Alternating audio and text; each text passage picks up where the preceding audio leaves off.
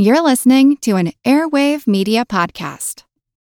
At Evernorth Health Services, we believe costs shouldn't get in the way of life changing care, and we're doing everything in our power to make it possible. Behavioral health solutions that also keep your projections at their best?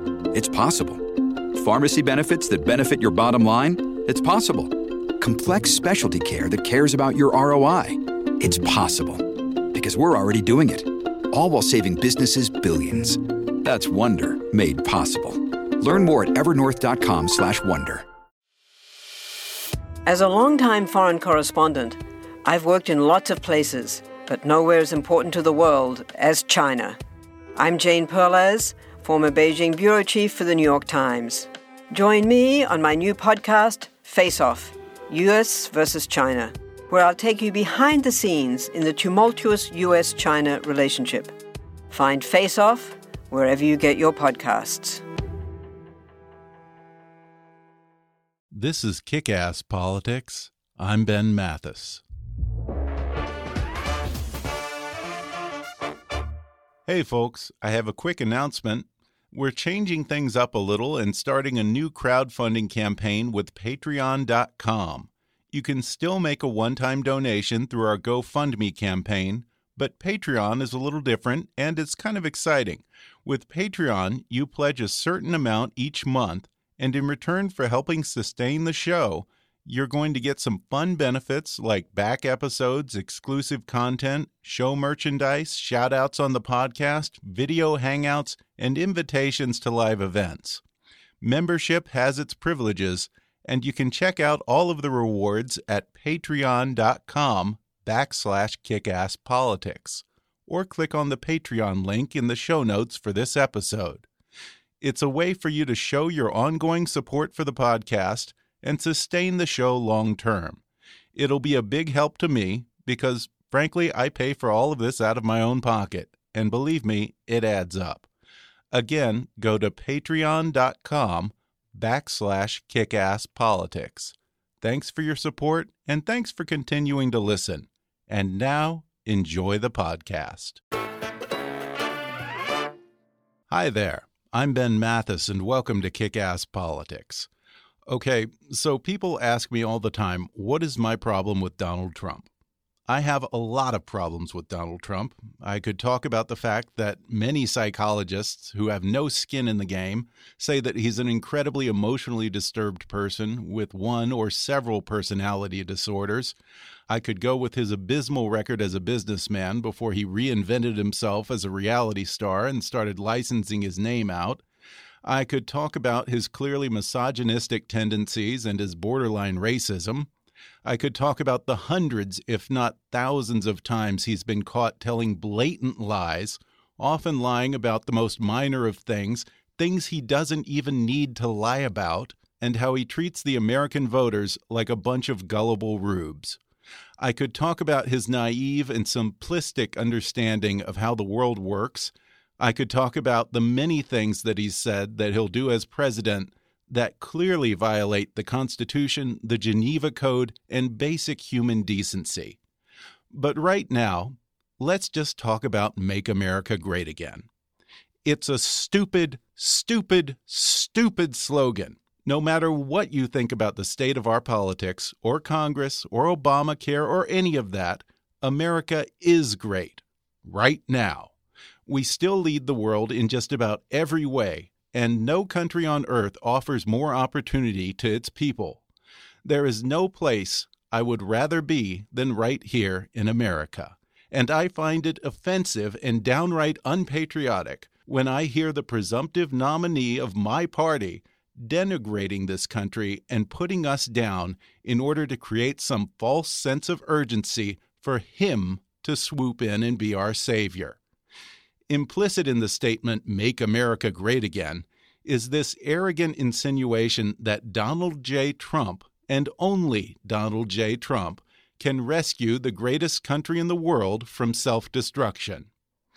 Underscored by his naive and largely unrepublican policies on immigration, trade, world affairs, and economics, Make America Great Again suggests that things would be so much better if we could just stop everything and go backwards as a society to some simpler time that exists only in Donald Trump's mind, where America didn't engage with the world, where everything was made and consumed by Americans and for Americans, where the borders were secure and the immigrants weren't integral contributors to the U.S. economy, where a 40 hour work week and a job for life was the epitome of the American dream, and where an overall policy of isolationism, more palatably branded as America First, guaranteed America's privileged place in the world. That's bullshit. Donald Trump waxes nostalgic for a golden age that never existed. The truth is, if it had been the way Donald remembers it, America wouldn't be where she is today. And every day, the world is moving farther and farther from Donald Trump's vision of how things were or how things ought to be again. People are more connected than ever before. The countries that are prospering or on the upswing are the countries who are tearing down barriers and engaging with the rest of the world, encouraging free trade and immigration. Countries like Germany, Singapore, Hong Kong, the Netherlands, the UAE, and the UK. I'd read you the list of countries that have the highest trade and immigration barriers, but you've probably never heard of some of them. They're countries like Cameroon, Nepal, Tanzania, Gambia, and countries that I'm not even sure I can pronounce, like Djibouti, Benin, Lesotho. I don't even know. I've never heard of these countries. So ask yourself would you rather be Djibouti or Hong Kong? And if you don't believe me, then listen long and hard to my guest today, because he's going to tell you where the world is heading, whether Donald Trump likes it or not. And you know what? His vision of the world is a great place. He's Dr. Parag Khanna. Parag Khanna is a leading global strategist, world traveler, and best selling author. He's a CNN Global contributor and senior research fellow in the Center on Asia and Globalization at the National University of Singapore. He's been a fellow at the New America Foundation and the Brookings Institution, advises the U.S. National Intelligence Council, and worked in Iraq and Afghanistan as a senior geopolitical advisor to U.S. Special Operations Forces. He's also the managing partner of Hybrid Reality, a geostrategic advisory firm, and co founder and CEO of Factotum, a boutique content strategy agency. Parag Khanna is co author of Hybrid Reality Thriving in the Emerging Human Technology Civilization, and author of How to Run the World Charting a Course to the Next Renaissance, as well as his international bestseller, The Second World Empires and Influence in the New Global Order. Parag Khanna is a trustee of the New Cities Foundation and a young global leader of the World Economic Forum. He's been named as one of Esquire magazine's 75 most influential people of the 21st century and featured in Wired magazine's Smart List. In his new book, Connectography Mapping the Future of Global Civilization, he offers a unique and hopeful vision for the future, shaped less by national borders than by global supply chains, a world in which the most connected powers and people will win. On today's show, Parag Khanna will explain the fallacies of nationalism and isolationism embraced by Trump and Bernie, and how the world is quickly becoming smaller, whether we're on board or not. He'll talk about connectivity and trade as the greatest force for world peace. He'll explain how the most connected nations will dominate the 21st century and which country is beating America at that game right now. He'll discuss how the future will be less about nations and borders and more about interconnected megacities. Plus, he'll share which cities those are and how American workers can adjust and even thrive if they embrace and take advantage of the opportunities of a more connected world. Coming up with Dr. Parag Khanna in just a moment.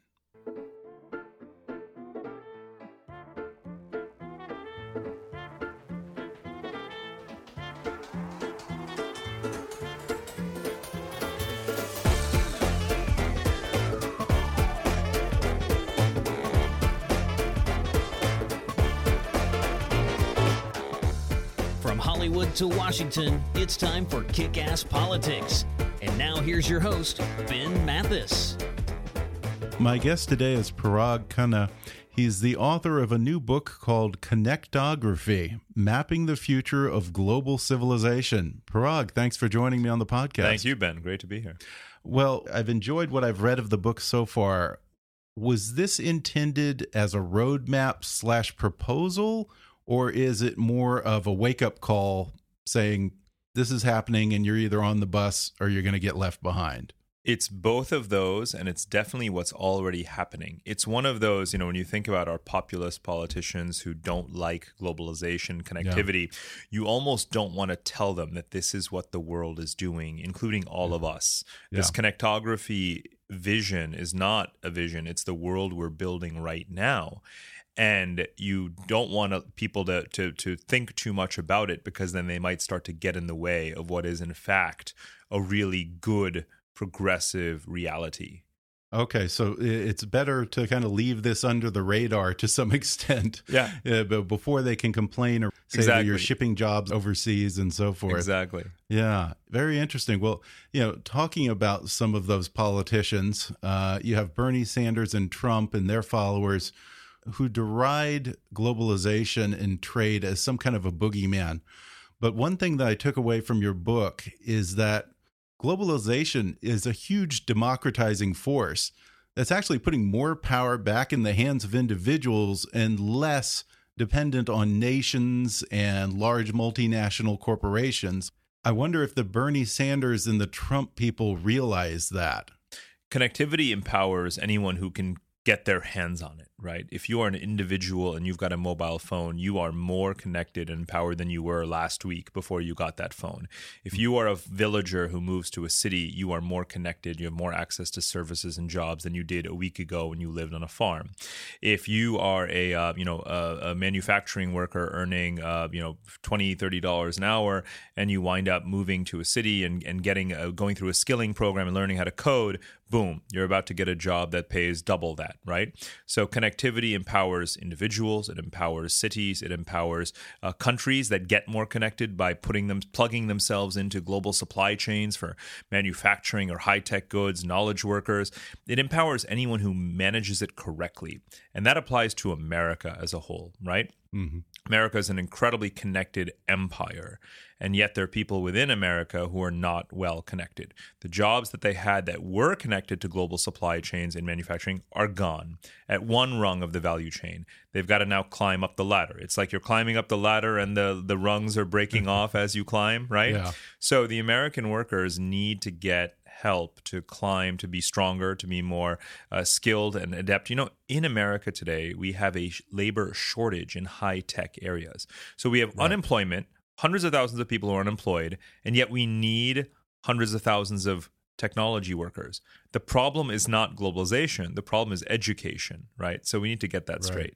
Well, also, we're not giving out uh, as many H 1 visas is that part of it? Well, should we, should we be a lot more welcoming to immigration, particularly people absolutely. that we're educating right yeah, here? Absolutely. So, in the interim between a scenario where you have educated your own citizens to take the jobs that their own companies want to fill, you've got to bring in people who have those skills to fill those jobs. Otherwise, those American companies are not going to make as much, produce as much, sell as much, earn mm-hmm. as much, and create the jobs that they create with that revenue.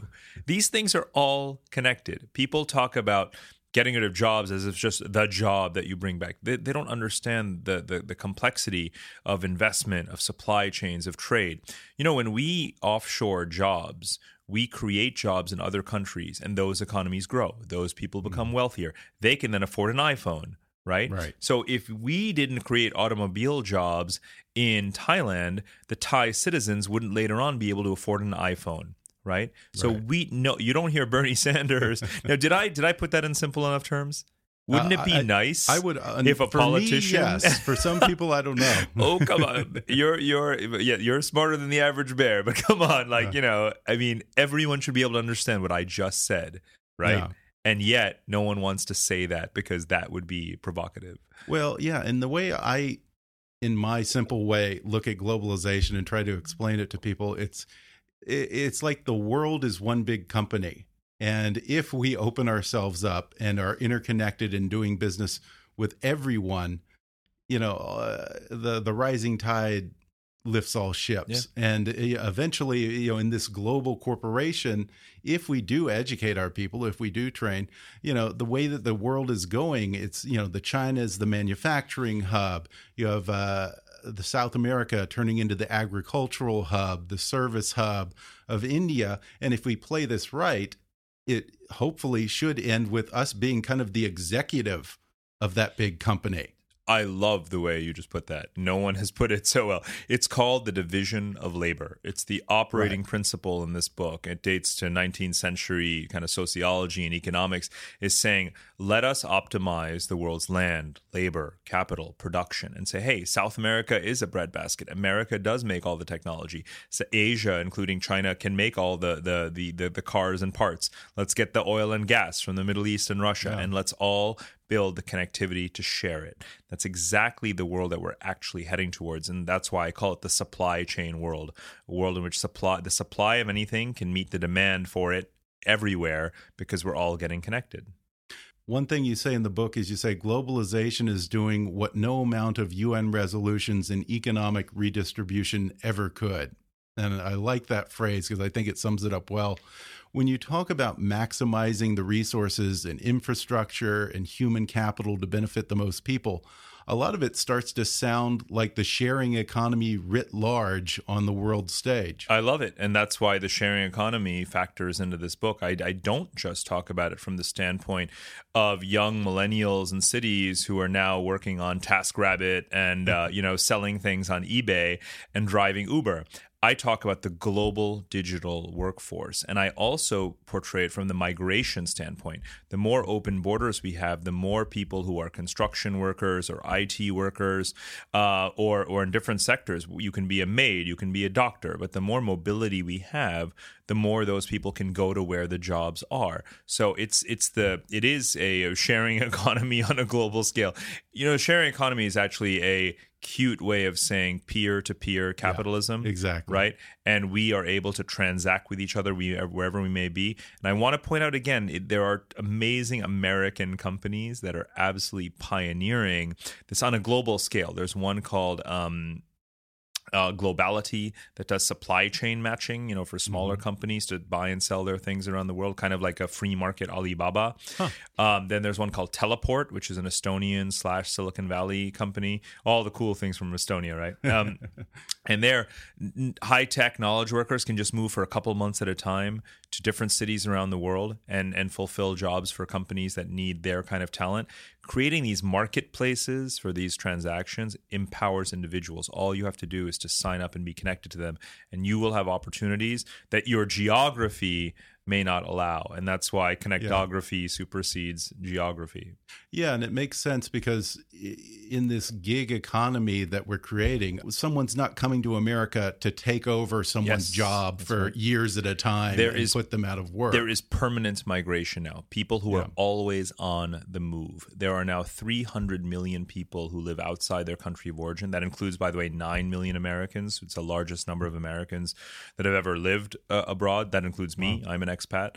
Uh, there are 9 million of us. Um, and we're always circulating 300 million people. I mean, they may live in one place for 10 years, 15 years, but there's among those 300 million tens of millions, if not a majority of them, who are always moving around uh, from place to place looking for work. And the whole world is becoming like that. We are becoming, I call it a global migrant horde, and uh, and we're all economic migrants searching for prosperity. And it doesn't matter whether or not you've crossed an international boundary to bring it back home. Mm-hmm.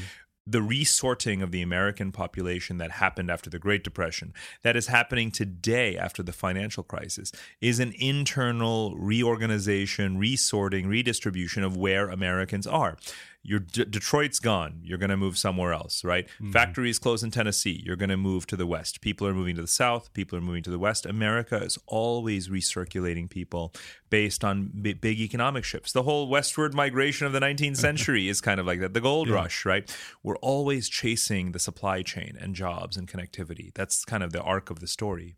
Yeah, and it sounds like it's a, a nice way to better guarantee economic stability.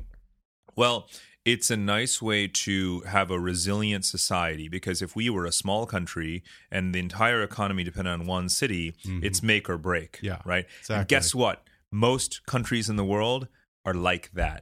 They are screwed Yeah. if something goes wrong in the world economy. And the one thing that they make and export is suddenly no longer demand. yeah. America's Russia. the luckiest country in the world Yeah. because we have lots of big cities, lots of people, free mobility around the country, tons of industries that are thriving at any given time, right? We are luckier than any other place in the world. We shouldn't blow it, is part of my argument. Yeah, that's a great way to put it because, yeah, we have this great ability to adjust to changing situations, and we've always been very good at that. Yeah. And it's disturbing this mentality now of wanting to just isolate ourselves and rigidly cling to the past. We don't want to. There are some politicians who are not going to win our next election who talk about that. We have to remember that we are a very open society. We are the world's melting pot. We have more immigrants coming than any, other country in the world. So just because some people don't have good information and are playing on populist whims and saying that we shouldn't do what we're doing, it doesn't mean that we're going to start doing it. I want to make sure that we're dealing Well, in reality, not. not in this like fringe like craziness. Well, but okay, let's say that I, I'm less worried about Bernie Sanders because I know he won't have any friends in Congress. So you know, if Bernie Sanders got elected, what's going to happen, really? but Don- suppose Donald Trump gets a Republican Congress and a Republican Senate, and I'm saying this as a Republican. Um, and so you're scared. You're a Republican who's afraid of a Republican-controlled Oh, uh, White House and legislature. I, would never would have said that before, No. but you know the idea of Donald Trump winning the White House and then bullying the Senate and Congress into going along with these crazy wild hairs of his that does scare me. So, you, know, but you say that that's not reality. We, we all of his bluster we don't have to worry about because You know, it we- does worry me. we have a lot of examples from around the world of how uh, you know radical movements and political parties and ideologies, when they come to power, they wind up having to to temper their uh, their their motivations, and that happens with Islamist parties. When the country democratizes, Islamists may get a whole bunch of votes in the election, but then they'll just screw up the government, and then people will vote them out again, right? Yeah. So, or people come in, they realize the reality is that, you know, some things are certain ways and you just have to live with it. So, the fact that America really does need migrants in all of these jobs, someone's going to one day whisper in Donald, you know, President Trump's ear that, you know what, your idea is really, really bad for the U.S., not good for the U.S. And then he'll modify his position. That's what Yeah. always happens. I hope so. I sure hope Well, so. Well, that's not going to happen. So, don't worry about it. Yeah, well, yeah, let, yeah. Let's hope that it doesn't even come to that. But you know, I always have this image in my mind of when a new president comes in, the very first day, someone whose name is never spoken probably sits him down and says, "Okay, we know what you said, but Yep. this is the reality." You'll be pleased to know that this is that how is, in is. fact how it works. It Yeah. happened with Barack. Obama. There's always Yeah, people exactly. who know how the state is run better than the novice who came into the. White House. And I, and I use that word obviously. I'm not trying to be cruel, but if you look back. You know, to eight years ago, maybe Barack Obama, you know, doesn't necessarily know how to run a great complex country like this. Maybe, maybe no one does. We don't have a good civil service like other countries do, uh, and those are the people who actually know how to run a state. Yeah. Well, you talk about these anti movements that sprung up in the early part of the 20th century anti globalization, anti capitalism, anti technology. Does it concern you at all that history might be repeating itself in what we're seeing right now? Well, the point of that argument was to say that the anti movements spring up and then they always fizzle away because they're always wrong. Okay. You know, because I say that globalization, to bet against globalization is the dumbest bet you could have made in the last 5,000 years. Because if you were right, then we wouldn't have had this enormous connectography, this expansion mm-hmm. of all of our telecommunications and, commu- and transportation and energy networks. For 5,000 years, we've been globalizing and globalizing and globalizing. And every time someone says, you know it's dangerous it's wrong some some you know two we're we're losing not winning and so forth still it marches forward and it winds up benefiting everyone so that goes back to that whole sort of shh don't tell anyone because actually it's Yeah. working you yeah. know? Well, you talk about how nations are less at war over territory than engaged in quote unquote tug of wars right over pipelines, railways, shipping lanes, internet cables. Is there just as much risk of these tug of wars turning into actual wars, or does this connectivity and interdependence through trade act as sort of an insurance policy against conflict? Right. It's a great question. So, 100 years ago, people said that just because uh, Britain and uh, Germany traded a lot with each other, they would never fight a war. Uh, but, in, of course, World War One break out, broke out. Today is different. We not only have a lot more trade independence than we did then, we also have um, financial integration, trillions of dollars of capital you know, crossing borders and held in each other's currencies. Then we also have supply chain integration. Did were, were were German products made in Britain and British products made in Germany. Today, Walmart, America's largest company, makes most of its stuff in China. So if you want Walmart to go bankrupt tomorrow, sure, have a war with China. Otherwise, you need to unwind and untangle that supply chain connectivity between the two countries. And if you want to do that at all, which you may not want to do, um, it's going to take a while. So you don't just stumble into war so cavalierly as one may have done back then. And uh, I've identified in this book the nine major wars that were predicted since uh, 1991, since the collapse of the Soviet Union, 25 years ago. In the last 25 years, there have been nine major wars that have been predicted China and Japan, America and China, China and Taiwan, India and Pakistan, so on and so on, Iran, right? Mm-hmm. Um, how come none of them escalated? How come World War III hasn't happened yet? So I talk through each of those examples in the book and I say, you know, in each of those cases, the incentives to pursue market access into the into your rival, mm-hmm. uh, to build infrastructure to connect to your rival, to gain the resources of your rival, is actually just more important than fighting with them over territory. So you do fight over connectivity, you don't fight over territory. And when you do have disagreements among nations, where will these disagreements get resolved? I'm assuming perhaps not in the UN anymore. Well, not many disagreements really ever got resolved in well, the UN. So that's I'm that's, using the term yeah. resolve very broadly. uh, the truth is that most wars actually peter out. They fight themselves out. You yeah. know, very few conflicts can you step in in the middle and then just everyone stops and steps aside. Until a border is resolved, the conflict will continue. So Ukraine is a good example. People may be listening and thinking, "Hey, wait a minute, what about that war?" You know. But by the way, that's a war we didn't predict in the last 25 years, but it did break out anyway. We're not very yeah. good at predicting these things. What but I that, can tell to you, to some extent, that was over resources. You know, the eastern part of Ukraine, it was all about getting that manufacturing base. Ah, not no no. Au no. contraire, you know, uh, eastern Ukraine is a post-industrial wasteland. You know, uh, that's not really what it's about. It's about the pipelines. The value ah, of one okay. day's oil and gas flow through the pipelines that mm -hmm. go mm-hmm. underneath, the connectivity, the tug of war, yeah. the value of one day's gas flows is more than all of eastern Ukraine's industrial output. Don't kid yourself, right? so this is why it's important to think in terms of infrastructure and the tug of war over infrastructure, not over the war over Ukraine. In you know, Ukraine for the last 350 years has been the most partitioned country in the world, right? No right. country has had its borders shift more than Ukraine. Yeah. So one more border shift is not going to actually shake humanity to its to its foundations, right? But it's much more instructive in terms of understanding how a country can turn off the taps or steal the resources from another country that are now passing through its own territory. Mm-hmm. We didn't have issues or problems like that 100 years ago because we didn't have a global pipeline network that we have today. But don't right. no don't let anyone think that this is a war for soil, right? It's a war over the revenues from gas pipeline flows and that's what yeah. the that's what's happening in the world today. Yeah, and that's what you say in the book is that the war, what wars we may have, won't be over land anymore. It'll all be about resources. Well, it'll and be about seeing that to some extent. Well, so we will fight less. Ten years ago, we thought um, that the U.S. and China would go to war over Arab oil and African minerals. Mm -hmm. Right today, fast forward right now, there's a giant tanker arriving in China full of American oil from Texas. We now yeah. sell oil. We don't. We're not fighting with China over oil. We sell oil. So China in Beijing right now, when they're saying, "What's our energy security strategy?" The answer is not we're going to fight with America over Saudi Arabia. The answer is we're going to buy oil from America. 10 years. 10 years. You and I can remember 10 years ago.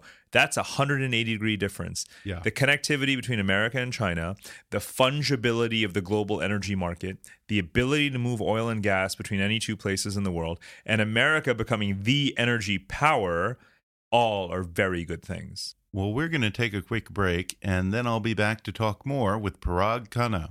Back in just a moment.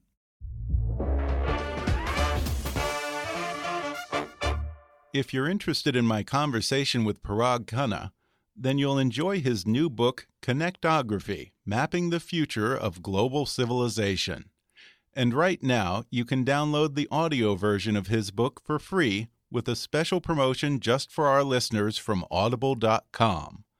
Just go to audibletrial.com backslash kickasspolitics for a free 30-day trial and a free audiobook download, which can be Connectography written by Parag Khanna or any of Audible's 180,000 titles. That's audibletrial.com backslash kickasspolitics or click on the sponsor link on our webpage to download the free audiobook of your choice. And now, back to the show. We're back, and today I'm talking to Parag Khanna, the author of Connectography Mapping the Future of Global Civilization. Well, Parag, I'm wondering do we focus a little too much on energy in this connected world where we're all sharing resources? This whole uh, this stubborn idea that we had to be energy independent. Mm -hmm. We don't want to be dependent on the Saudis.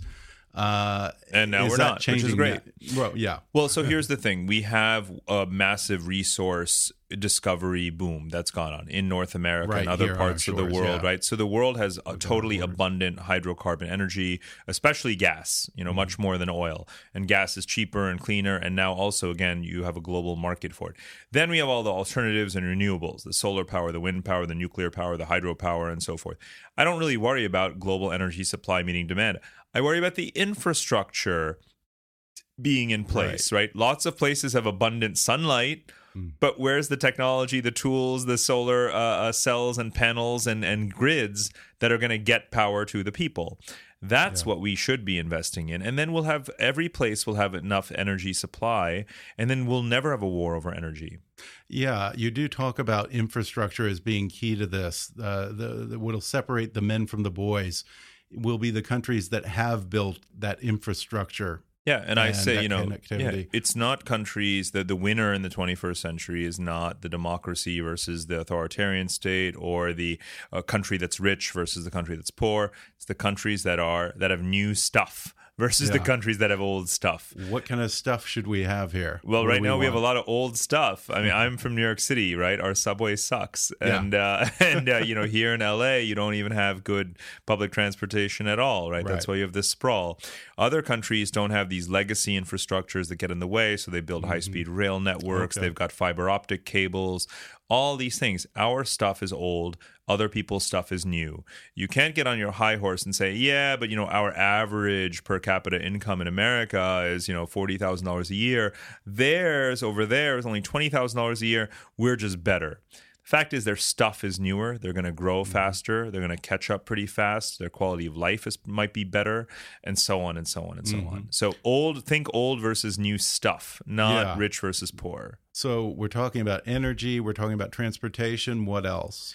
Uh, communications, yeah, right? So that's the third pillar of global infrastructure: mm-hmm. transportation, energy, communications, and then of course, again, how fast is your, um, you know, how fast are your broadband connections? What's your yeah. mobile phone speed? Are you, you know, 4G going on 5G? Are you 2G right. going on 3G? are your calls dropping every two minutes? That kind of stuff. Are we lagging behind other countries in that area? Parts of America are. There are a lot of places. Look, we're a huge country. It doesn't yeah. necessarily make a lot of sense to be, you know, piping fiber yeah. cable to every farm in Kansas. But that said, said you know, some places are hyper connected, right? You know, LA is good and uh, and San Francisco and so forth.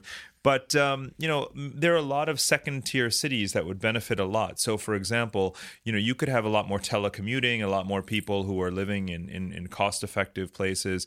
If they had better internet connections, they could be telecommuting to work. They could be doing coding and, and just working more mm-hmm. seamlessly. So, it is a great public service to America if we were to speed up the the broadband penetration.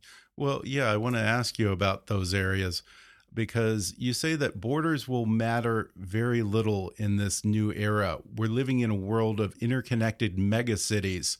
Does that mean that the person who's living in those places in, say, Middle America, the Midwest, or uh, Sub Saharan Africa, does it mean that those people are in danger of getting left behind? Well, yes and no. So the idea of a world in which megacities dominate is already true, right? Yeah. But my vision is a world not just of building more and more connectivity among those cities. That's happening anyway, right? My vision is that what about all the other people? I'm actually saying we should be empowering those people. So I have a section in um, the New York Times excerpt from this book about Appalachia. I said we declared a war on poverty in Appalachia 50 years ago. I think it was Eisenhower or Yeah. whatever. Uh, how's that? How's that war on poverty going for you? You know, not not so well, right? Because it never occurred to people, hey, how about in the eight or nine or ten states in the Appalachian region? How about we have better highways? How about we have some railways? How about those those towns and villages get better connected to Atlanta and to Washington D.C. Uh, and and to to large cities so that they could have uh, food processing plants, so that they could they could have vineyards, so they could have ecotourism. People would go. They could have real economies, right? Yeah. 50 years and it never occurred to anyone. We've tried everything. We've tried, you know, educational interventions and trying to stop drug use and so forth. How about just giving them some good roads for God's sake, you know? And so I'm actually I'm all about those people. You know, I want those people to be better connected because it's good for them.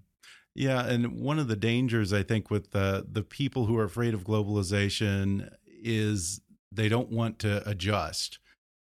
Is it a matter of helping people where they are, elevating, building these the infrastructure, or is it a matter of people need to change their mindset and be willing to pick up and move like like the Okies in the great It's you know both, during the both. Dust Bowl and Yeah. find the jobs where they are. So you mentioned that you know the the Dust Bowl example. I you know as we said earlier, there's this constant resorting of the American population. Detroit mm-hmm. has shrunk to less than half of its you know peak population size. So exactly what you described is already happening. However, there are plenty of people who've stayed behind. There's 700,000 people there. There are jobs coming back. There are some high tech things going on there as well. There is investment in new kinds of uh, you know apartments and real estate and and jobs and so forth. I view Detroit as the midpoint of the Chicago Toronto North American corridor. And if they build that new bridge between Detroit and Windsor, Ontario, you'd have even more efficient trade, and Detroit would benefit from that too. So I'm not I, I'm not saying abandon Detroit. There is a natural equilibrium, a natural number of people whom where it makes that it makes sense to have in Detroit, given what what the economy is, and they're trying to figure out what that is. But I don't think people abandon places. Yes, and you should invest in people, not just in places. Which is why I want to know why over the last twelve years that we've been saying we need a federal worker retraining program because to, to help the people who've lost their jobs. I want to know today what did Bernie Sanders do for that federal worker retraining program? What's Donald Trump going to do? What are all Yeah. these politicians doing about it? Yeah.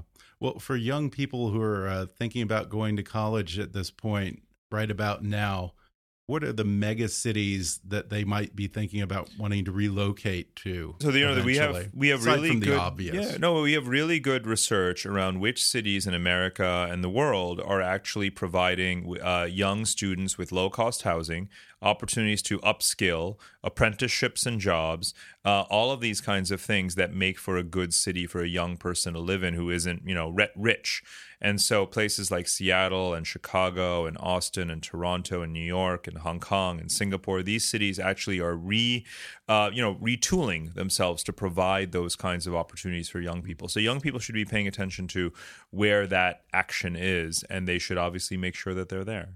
Is there a list of up and coming mega cities? Say the mega cities of 50 Well, so I have now? I have the maps of that in this book. There's a lot of data around demographic projections for urbanization all over the world. And so what I've done is to plot the 50 megacities of the year 2030, 2035. And I have that map ready today because if you're going to be a megacity in the year 2035, you probably are already well on, well on your way to being one. Yeah. So I've got this this map in the book that that that kind of really visualizes that, and I say this map, I will not change this map for 20 years. I can tell you exactly today with the 50 main urban ar- archipelagos, I call them, these vast urban zones that are the real economic anchors of the world. I know exactly which ones they are, all 50 of them, and they're on the map already. Have you made any bets on that yet? It's they're all winners, right? Unless they fall Okay. apart internally, unless inequality and pollution get the better, which is a big problem in Jakarta and Manila, in Cairo, in Sao Paulo, and Istanbul. There's violence in all these places, right? They need to get their act together. They need to invest in affordable housing. They need to make sure they're not polluting and destroying their water supply. They need to do those things, and if they do that, then all of them will win. We have a huge world population. There shouldn't only be five cities that are worth living in. Yeah. What's the one? What's the big one to watch? Oh boy! I mean, look, the fa- objectively, objectively, the fastest growing city in the world is Dubai. Um, Right. You know, in terms of its multiplication of its population, because so many people are moving there. Good quality of life. Again, everything is new. Air conditioning in the desert, no taxes. Um, it's got a lot going for it, right? Um, there's there's places that are making themselves the Dubai of X Y Z. Every every place wants to be the Yeah. Dubai of wherever it is. Baku wants to be the Yeah. Dubai of the Caucasus, and uh, Luanda wants to be the Dubai of Africa, and Panama City wants to be Dubai of Central America. Yeah. It's So- like it's like everyone wanting to be Silicon Valley about five or ten years ago. Totally, and and I find that actually, uh, I live in Singapore. Basically, every place wants to be Singapore. Dubai wants to be Singapore. Every place wants to be Dubai. Dubai wants to be Singapore, because it's again sustainable, it's clean, you know, good quality of life, no crime, and so forth. So, look, I this this book is about the knowledge sharing between these cities, what they can learn from each other, because they're always experimenting, and I celebrate those experiments. So I think I think that a lot of cities are going to get better and better because otherwise they're going to fall apart. The president's going to be dragged out in the street and shot. So let's let's be clear that you know the closer people are to the center of power, the more they can take action.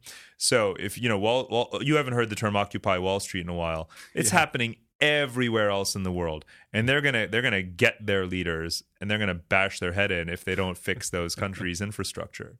Well, you also say that there's a new arms race going on to connect the most markets, and you say that China is winning that arms race. What is China doing that we're not? So China today is the number one trading partner of 126 countries. The United States is the top trade partner of 56 countries. That's a bit of a gap. Now we also um, don't discriminate against dictators, and you know, Wait, China doesn't have a we- we yeah, China don't? does not have a have Yeah. uh, any scruples or a conscience about who they do to business be honest, with. to be honest, to be honest, neither do we. Uh, I've Yeah. got. I, I actually list in this book. I don't even put it as a footnote. It's in the main text of the book. I list every awful, notorious country that we have perfectly happy economic relations. Yeah. It's a myth that we put uh, those principles first. Perhaps we should. Perhaps we shouldn't. To be honest, my argument is that we should not. The only way to influence a country is to be connected to it. If you're not trading with Iran, if you're not investing with Iran, you're not going to change Iranian thinking. They're just going to ignore you, and then they're going to trade with China. So if you want to change a place, you've got to be the positive influence in that place, on that place. So China is not a great influence in terms of political reform, but you know what it's doing? It's put a lot of money in a lot of poor countries' hands and bought a lot of their raw materials. And you know what those countries did with their money? They're, they're growing, they're mm-hmm. urbanizing. If you have friends who are going on a project or sell if you have if you if you're selling a phone in Africa or you're selling consulting services in Africa, you're doing so because that country is no longer a totally poor, backwards agrarian society. How did they get there? Because they sold stuff to China. Everyone wins as a result of what China is doing with its investments. Those countries get wealthier, they buy our stuff. Yeah. There's such a dystopian view that some people paint with this isolationist mentality that we see right now. But you seem to be painting a pretty optimistic picture. I, if they, if I if I could describe this book as anything, I would say it is radically optimistic. I would say it's cautiously optimistic. Again, you know, I talk about resilience towards the end of the book. What happens in a world that's totally connected infrastructurally is that there are fewer choke points. We mm-hmm. fight over choke points. Right now, the world has three, has four major maritime choke points: the Panama Canal, the Suez Canal, the Strait of Hormuz, and the Strait of Malacca. Right. Mm-hmm. This is where the majority of world trade and shipping and oil flows. In a world that's totally connected, you're not going to fight a war just because one of those gets blocked by a terrorist or a pirate, right? Instead, you've got pathways around. You can just ship over the Arctic, right? Yeah. You can use Chinese railways across Eurasia. So there are multiple ways to get around blockages and disruptions. So that is the definition of resilience. By building all this connectivity, we're making the world more resilient. So I'm cautiously optimistic that if we keep on doing that, there'll be less and less reason to fight. Um, way down the road, are we looking at possibly a borderless world, unrestricted travel, global no, borders aren't bad. Borders aren't bad at all. Borders are a form of friction, and you need friction. You don't want lots of diseases coming in. You don't want terrorists coming Right. in. You don't want financial contagion. You don't want organized crime. Borders are a filter and they're a friction and they're a good thing if you're using them wisely to block the bad stuff, but let in the good stuff. Right? That's what a stable country does. It calibrates the flow and the friction, and, and borders are one way in which it does that. So borders are, use, are, are, are useful. There's nothing wrong with having them. However, they have to be done in a way that ultimately benefits you know both sides and doesn't hurt itself. And you know what people like Trump are saying actually will hurt us, guaranteed overnight. Yeah. Well, before we go, you realize, of course, that there are many people who, in the conspiratorial crowd, who hear the words globalization and they think new world order. Black you, helicopters. Yeah. Those aren't your listeners, are they, Ben? What's that? Are no, uh, God, no. Hey, no. black helicopter, black helicopter. well, I don't know. They might have the mics tapped, so maybe we should be careful. We're in LA, land of the free. Uh, yeah. Uh, Look, people hear conspiracy, think conspiracy, but just remember that we've been engaging in this process of globalization and connectivity for, again, thousands of years. America is the architect. Hello, everyone. You know, America is the architect of the global trade system. We are the most open economy. We are so open to migration. The greatness that America is today is a result of this openness and the system we built. Just because the playing field is becoming a little bit more level because others are getting involved and getting competitive, that doesn't mean that we've lost or that we're losers or that we should be afraid of it. No way. Well, it's something to look forward to, that's for sure. I enjoyed the book. It's called Connectography Mapping the Future of Global Civilization. Parag Khanna, thank you. Thank you, Ben.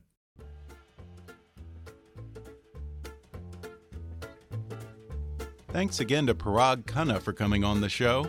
And if you enjoyed today's episode, I'd encourage you to read his book, Connectography Mapping the Future of Global Civilization. I'll include an Amazon link where you can order it in the show notes for this episode and on our website at kickasspolitics.com. Or if you'd prefer to listen to the audio version of his book, you can download that for free through that special trial offer just for our listeners at audibletrial.com backslash kickasspolitics.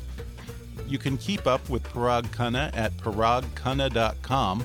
That's spelled P A R A G K H A N N A. Or follow him on Twitter at, at Parag Khanna.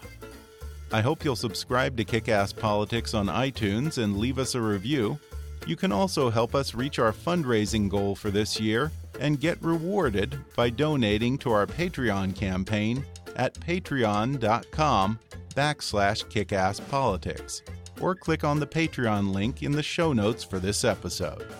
Follow us on Twitter at, at KAPolitics or visit Kickass Politics on Facebook. And while you're there, recommend Kickass Politics to your friends on your social media. And as always, I welcome your comments, questions, and suggestions at comments at kickasspolitics.com. But for now, I'm Ben Mathis, and thanks for listening to Kick Ass Politics.